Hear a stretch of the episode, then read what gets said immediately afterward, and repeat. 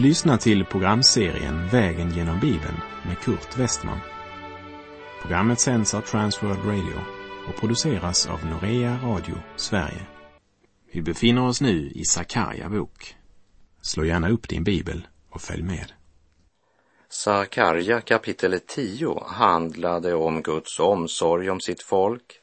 Kapitel 11 som vi har kommit till talar om stormakternas fall. Det uppenbarar för oss vad denna världens härlighet, ära och makt är värd när Guds dom över synden verkställs. Sakarja betyder ju Herren tänker på eller Herren kommer ihåg. Och vi har sett att Sakarja är hoppets profet. Det är också väl värt att lägga märke till att han är en av de sista röster som ropar för Herren i det gamla testamentet. Och sedan börjar Nya testamentet med att en ängel uppenbarar sig för en man som heter Sakarja. Men eftersom Nya testamentets grundtext är på grekiska kallas han Sakarias, men det är alltså samma namn. Sakarias hustru Elisabet som födde Johannes döparen som skulle bana väg för Kristus, den utlovade Messias. Än en gång tänkte Gud på sitt folk. Herren kommer ihåg. Sakarja är inte bara hoppets profet, han är också sanningens profet. Det är inte nog att vara hoppets profet, för om hoppet var falskt, som hoppet med de falska profeterna förkunnade, så hade ju folket ingen framtid. Även om man upplevde en tillfällig blomstringstid så var det erövrare på väg från väst. Först Alexander den store, sedan de romerska arméerna, vilket betyder att stora lidanden väntar för Israels folk. Sakarja kapitel 11 presenterar också honom som är den gode herden för sitt folk. Den gode herden som ger sitt liv för fåren, vilket talar om Kristi ankomst i mänsklig gestalt. Sedan talas också om en oförståndig herde som kommer långt senare och som illustrerar Antikrist som splittrar fåren. Han uppsöker inte det förlorade, helar inte det sårade, har ingen omsorg för det friska, men äter köttet av det feta och river sönder deras klövar. Sedan kommer kapitel 12 som talar om Jerusalems räddning och fiendernas undergång. Vi läser Sakarja 11, vers 1. Öppna dina dörrar, Libanon, så att eld kan förtära dina sedrar. Det låter ju inte så lovande precis. Och det uppenbarar att Israels folk skall splittras efter Sakarjas tid. Och jag tror att det var det som skedde genom romarna som använde samma metod som Alexander den store. Det kom ner från norr så att eld kan förtära dina sedrar. Libanons sedrar var berömda. Det utgjorde en stor del av byggmaterialet när Salomos tempel byggdes. Men idag finns det inte mycket kvar av cederträden, endast några få. Vi läser vers 2 och 3. Jämra dig, du cypress, ty seden har fallit. De härliga träden är skövlade. Jämra er, ni Basans ekar, ty skogen, den ogenomträngliga, är fälld. Hör herdarnas jämmer när deras härlighet skövlas. Hör de unga lejonens vrål när Jordans härlighet skövlas. Herdarnas jämmer när deras härlighet skövlas. Det talar om de falska herdarna som hade vilselett folket och haft herdetjänsten som ett medel till personlig vinning. genom att endast tala det som folket ville höra. Genom falsk tröst hade man fört folket vilse. Men nu avslöjas trösten som falsk och de falska herdarnas härlighet rasar som ett korthus. De unga lejonens vrål talar sannolikt om de unga prinsarna. Både de andliga ledarna och de politiska regenterna måste nu jämra sig. När de praktfulla byggnaderna läggs i grus och all deras härlighet visar sig bara vara en uppblåst ballong. Dessa en gång så starka och rovgiriga härskare som utövade sitt välde över folket skall erfara att allt de såg som härligt skövlas och blir till intet. Här går mina tankar till Paulus ord i Andra Korinterbrevet 4.18. Vi riktar inte blicken mot det synliga, utan mot det osynliga. Ty det synliga är förgängligt, men det osynliga är evigt. Vi läser Sakarja 11, vers 4 och 5.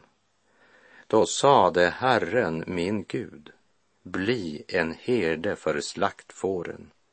Ty de som köper dem slaktar dem utan att straffas, och de som säljer dem säger, lovad vare Herren att jag blir allt rikare. Inte heller deras herdar förbarmar sig över dem. Det är en exakt beskrivning av vad som skedde när det romerska imperiet intog Israel. En suverän beskrivning av situationen för folket på Jesu tid. Inte heller deras herdar förbarmar sig över dem. Vi läser vers 6. Ty jag skall inte mer förbarma mig över dem som bor i landet, säger Herren. Se, jag ska överlämna människorna åt varandra och åt deras kung. De ska ödelägga landet och jag ska inte rädda någon ur deras hand. Gud säger att han ska låta detta ske därför att de inte bara vänt sig bort från honom men också förkastade Messias när han kom. De som skulle vara deras andliga vägledare levde inte längre själva i gemenskap med Gud. De var främmande för Gud och för att Guds rike inte är av denna världen. Därför kunde de inte heller känna igen den utlovade Messias. De hade i sina egna tankar gjort sig en egen Messias. Och Jesus passade inte in i deras religiösa traditioner och människobud.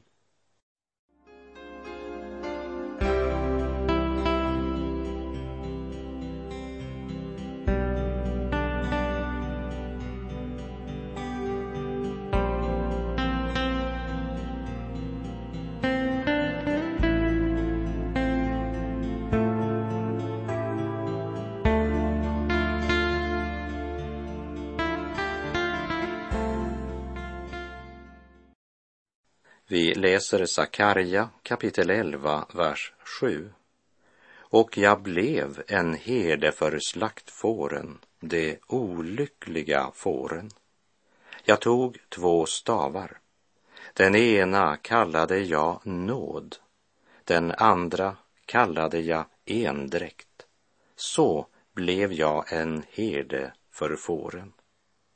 I Johannes 10, vers 11 till och med 13 13 säger Jesus, jag är den gode herden.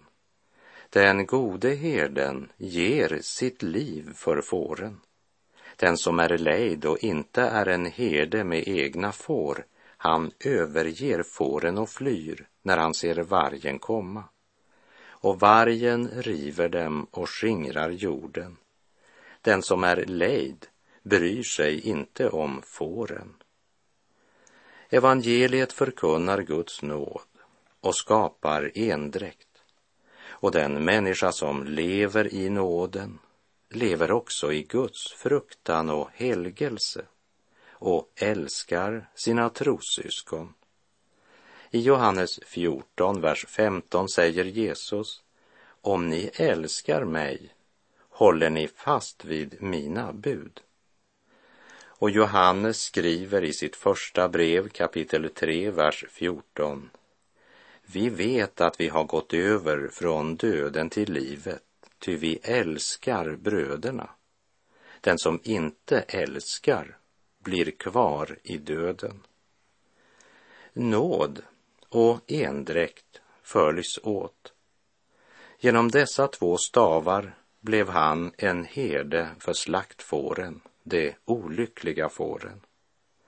Saliga är de som sörjer, de ska bli tröstade, säger Jesus i Matteus 5, 4. Vem var det Herren skulle bli en herde för? Var det för dem som var duktiga och starka? De som visat att de kunde klara av det? De som lyckats? Nej, han blev en herde för slaktfåren, det vill säga de som var dömda till undergång, de som gick mot döden utan att någon brydde sig om dem eller frågade efter dem. Jesus uppsöker och frälsar de förlorade, de eländiga. Men nådens och endräktens stavar är till ingen hjälp för den som inte vill låta sig vårdas av den gode herden. Vi kan inte ta emot nåden och endräkten utan att vi också tar emot herden själv. Utan den gode herden blir nådens stav bara en falsk tröst som leder till att vi syndar på nåden. Att ta emot den gode herden betyder också att vi förkastar de falska herdarna, tar avstånd ifrån dem. Vi kan inte följa både den gode herden och de falska herdarna. Vi kan inte ta emot nåd från den gode herden och samtidigt också följa falska herdar. Sakarja 11, vers 8. Och inom en månad förgjorde jag de tre herdarna. Jag blev otålig på dem och det fick i sin tur ovilja mot mig. Kristi sinnelag har ingen plats i de falska herdars hjärtan. Och det folk som inte lyssnade till något annat än falska herdar blev därför utan herde när de falska herdarna gav upp. Och då är människan utelämnad till sig själv. Människan måste till sist skörda konsekvensen av sina val. Låt oss lyssna vad Herren vidare säger genom profeten Sakarja, kapitel 11, vers 9. Då sade jag till fåren, jag vill inte längre vara er herde. Det som håller på att dö, det må dö. Och det som håller på att förgås, det må förgås. Och det som blir kvar må äta upp varandra. Här talar han om konsekvensen av att följa falska herdar och av att leva i en falsk tröst. Han talar om det offer som folket bar fram inför Herren. Profeten Malaki låter oss veta att de var motsträviga och så giriga att de inte ens gav Herren tionde. Och de kände motvilja mot att offra sina djur till Herren så att eh, om en man hade en gammal sjuk ko så bad han sina söner skynda sig till templet med den så att den kunde dödas och läggas på altaret innan den avled av sig själv. Och sedan så låtsades de att de hade gett ett av sina dyrbara djur till Herren. Men Gud accepterade inte ett sådant offer. Det som håller på att dö, det må dö, säger Herren. Förgäves försökte Gud peka på offrets nödvändighet på grund av deras synder. Men man insåg inte att deras synder måste försonas, utan man tyckte sig göra Gud en tjänst och menade att Gud nu var skyldig att ge dem rikligt tillbaka. Men där man inte står under nådens stav försvinner också endräkten. Och så börjar de så att säga att äta upp varandra. Som Paulus beskriver i Första Korinthierbrevet 3, de tre första verserna. Bröder, själv kunde jag inte tala till er som till andliga människor utan som till kötsliga människor, spädbarn i Kristus. Mjölk gav jag er att dricka, fast föda fick ni inte. Den tålde ni ännu inte, och det gör ni inte nu heller, eftersom ni fortfarande är kötsliga. Så länge det råder avund och strid bland er, är ni då inte kötsliga och lever som alla andra? Genom profeten Sakarja säger Herren, jag vill inte längre vara er herde. Det som håller på att dö, det må dö. Och det som håller på att förgås, det må förgås. Och det som blir kvar må äta upp varandra. Ja, så blir det bland Guds folk när inte Gud är centrum längre, varken i församlingen eller i den enskildes liv. Ingenting är så förödande som religiös aktivitet utan Kristi sinnelag. Därför bör vi vända om, söka Herren av hela vårt hjärta och be att Herren griper in i våra liv och vår församlingsgemenskap. Låt oss be. Herre, ta emot mig sådan jag är och gör mig sedan så som du vill ha mig. Lagen förnedrar, nåden upphöjer. Lagen verkar fruktan och vrede, nåden verkar hopp och barmhärtighet och skapar endräkt. Men när vi föraktar Guds nåd bryter Herren nådens stav och då står vi under Guds vrede mitt i all vår religiösa aktivitet. Sakarja 11, vers 10. Så tog jag min stav nåd och bröt sönder den för att upplösa det förbund som jag hade slutit med alla folk. Den som eh, inte står under Guds nåd står under Guds vrede. Religiös verksamhet gör oss ibland sjuka. Sanningens budskap, evangeliet, uppreser, helar och förbinder slaktfårens sår.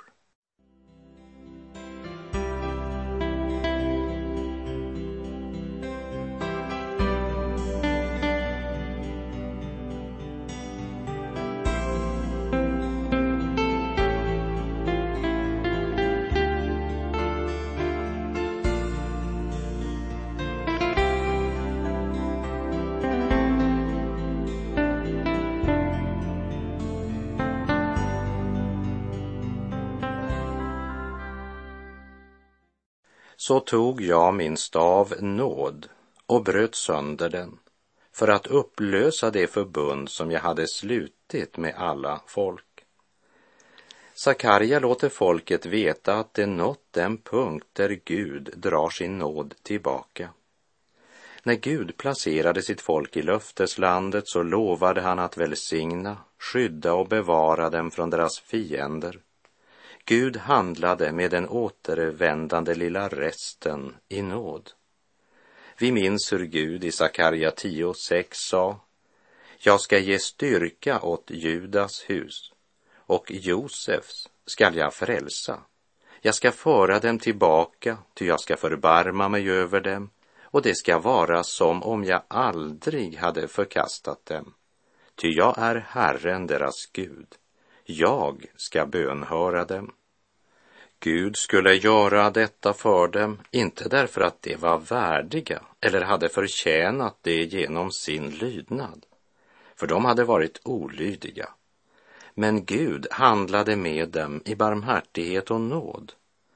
Men det skulle komma en tid då de trampat Guds nåd under sina fötter på ett sådant sätt att Gud inte hade något val Han var tvungen att dra sin nåd tillbaka, bryta nådens stav.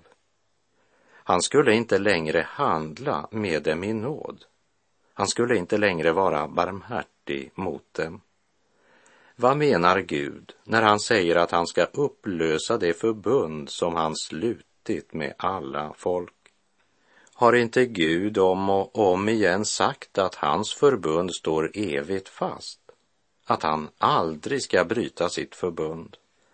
Här är det viktigt att vi skiljer mellan ett villkorslöst förbund och ett betingat förbund.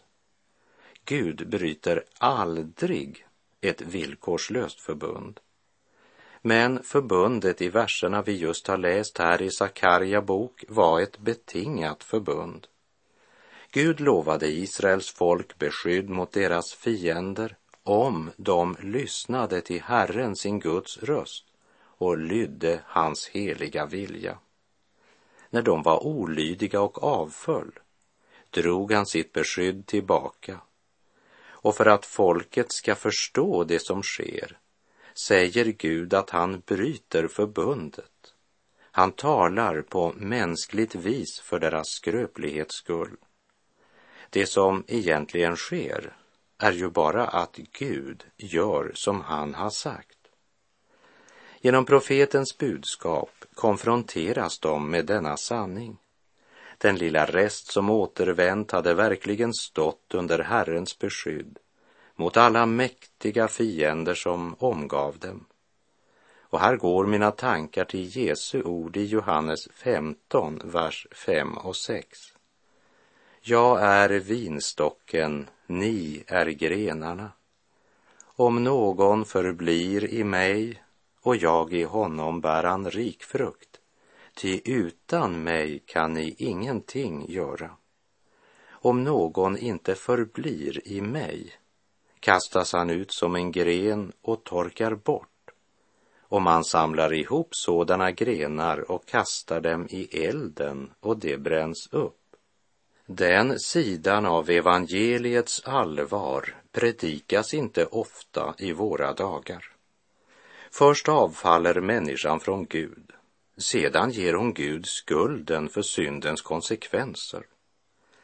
Den fallna människan är mera upptagen av att komma undan livets svårigheter än av att få veta sanningen om varför hon har hamnat där.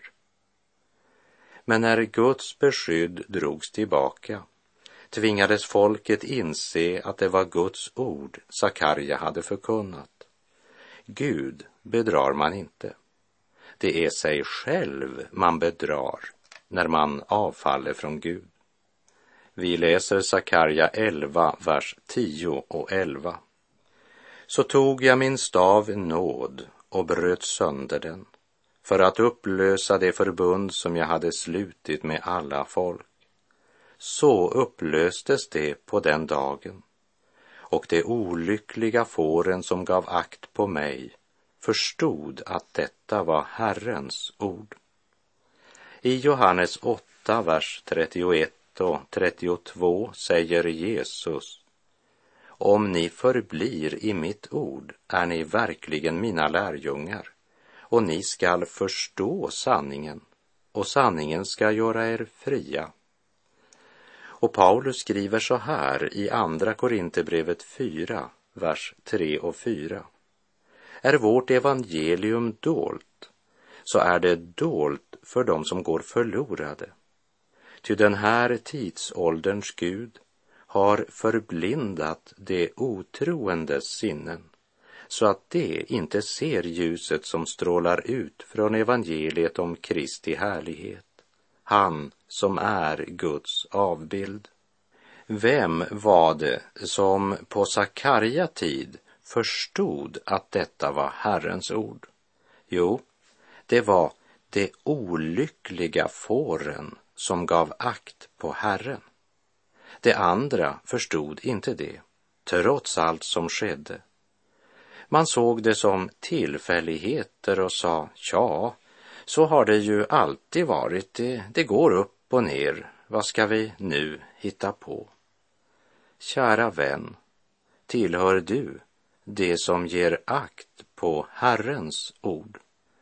De olyckliga fåren som gav akt på Herren var uppenbarliga de av den återvändande lilla rest som levde i lydnad för Gud och gav akt på budskapet som förkunnades. Det var ordets hörare och ordets görare och de blev saliga i sin gärning. De var inte fria från lidande och svårigheter. Men de visste att det Sakarja profeterat var Herrens budskap. Så de blev styrkta i tron även i motgångens tid eftersom det som skedde visade att det alltid går som Herren har sagt. Det är en gammal psalm jag ofta citerar för mig själv och som jag önskar att du skulle lära dig utan till.